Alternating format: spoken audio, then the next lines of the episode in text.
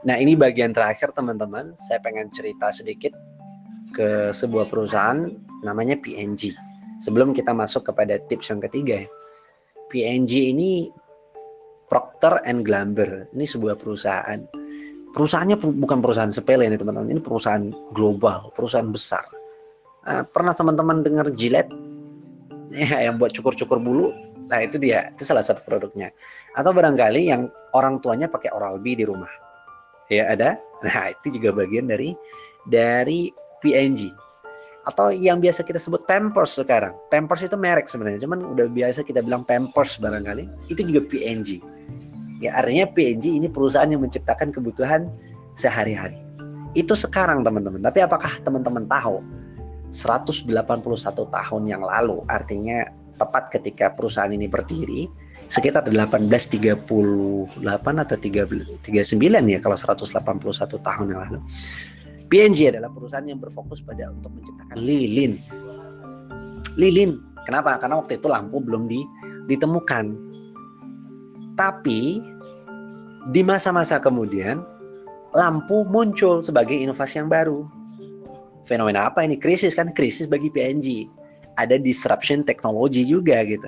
Sistem yang sebelumnya ada mereka bikin lilin tapi karena datang teknologi yang lebih baru justru lampu. Akhirnya usaha bisnis mereka bisa mati kalau kalau masih bertahan dengan lilin kan gitu. Dengan krisis ada yang terjadi disruption teknologi. Nah maka dia berpikir untuk berinovasi. Salut sekali dengan PNG akhirnya dia menciptakan kebutuhan sehari-hari dari manusia ini di, di antara produk-produknya yang tadi itu maka di antara prinsip yang prinsip PNG yang saya pernah baca adalah dia kemudian berpikir apa yang diperlukan. Ini pertanyaan pertama untuk mendapatkan sebuah gagasan atau ide. Apa yang diperlukan netizen sekarang? Barangkali kita bisa mulai pertanyaan dengan yang seperti itu. Ya kan? Dan apa yang mungkin kita lakukan dengan itu semua? Ya, jadi nggak perlu muluk-muluk, start small aja lah. Mulai dari yang kecil-kecil, mulai dari yang sederhana, kalau itu mungkin dilakukan, kita mungkin lakukan. Saya salut justru dengan junior-junior saya yang kemudian memanfaatkan 10 hari terakhir dengan berkreativitas di media ya. Ada ada junior saya BPD 18 uh, kita nggak lihat subscriber atau kita nggak lihat dari berapa yang view tapi dedikasi semangat dia untuk mau berkarya itu patut diacungi jempol. Bodoh amat kata orang kan, yang penting dia berkarya. Sederhana aja, dia bikin naskah, karena mereka tidak bisa saling terhubung satu sama lain, mereka bikin naskah. Setiap orang memiliki bagian naskahnya masing-masing, kemudian dibuatkan sebuah dialog. Ya kan nanti tinggal edit aja sesuai dengan naskah atau dialog yang ada, kemudian dipost. Ya, pokoknya dia mengekspresikan mengekspresikan uh, naskah tadi sesuai dengan ide dan gagasan serta tujuan yang dia pengen angkat, kan gitu. Nah, sekarang kita analisis apa sih yang diperlukan oleh oleh oleh netizen sekarang. Kalau saya pribadi dengan komunitas lingkar iman itu tentu me menganalisa orang butuh ceramah siraman rohani, butuh butuh ilmu agama meskipun dari rumah aja.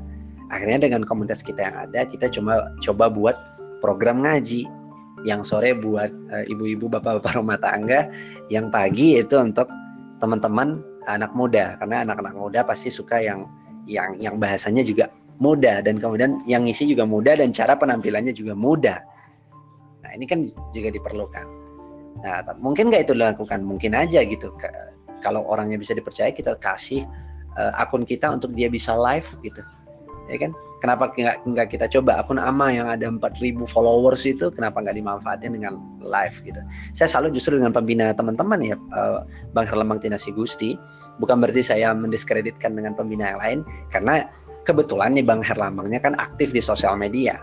Justru beliau tetap konsisten dan bodoh amat dengan likers, bodoh amat dengan dengan apa yang penting beliau merencanakan sebaik mungkin konsep postingan yang akan beliau beliau beliau posting dan luar biasa ketika di corona justru beliau bikin podcast kan gitu.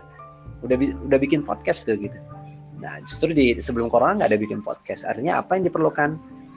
Ya orang pengen dengar dengar dengar dengar sesuatu yang barangkali gagasan dan barangkali podcast tepat untuk itu. Mungkin nggak dilakukan, mungkin mungkin saja karena Bang Herlambang punya kemampuan speaking yang bagus, dia punya peralatan, ya dia mungkin untuk melakukan. Nah, kenapa anak-anak asrama nggak bikin podcast juga barangkali dengan ke seputar kehidupan-kehidupan asrama? Bisa nggak kita analisis berapa yang pakai Spotify? Kalau justru ada sekitar 70-60 persen, kenapa nggak coba bikin Spotify? Uh, konten-konten uh, di Spotify.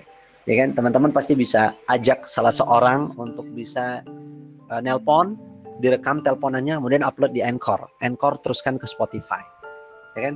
Hal-hal yang kemudian kamu kangen di asrama, ya kan? Hal, -hal positif lah kan. Nah itu juga bisa kita kita dapatkan ya inspirasi seperti itu. Nah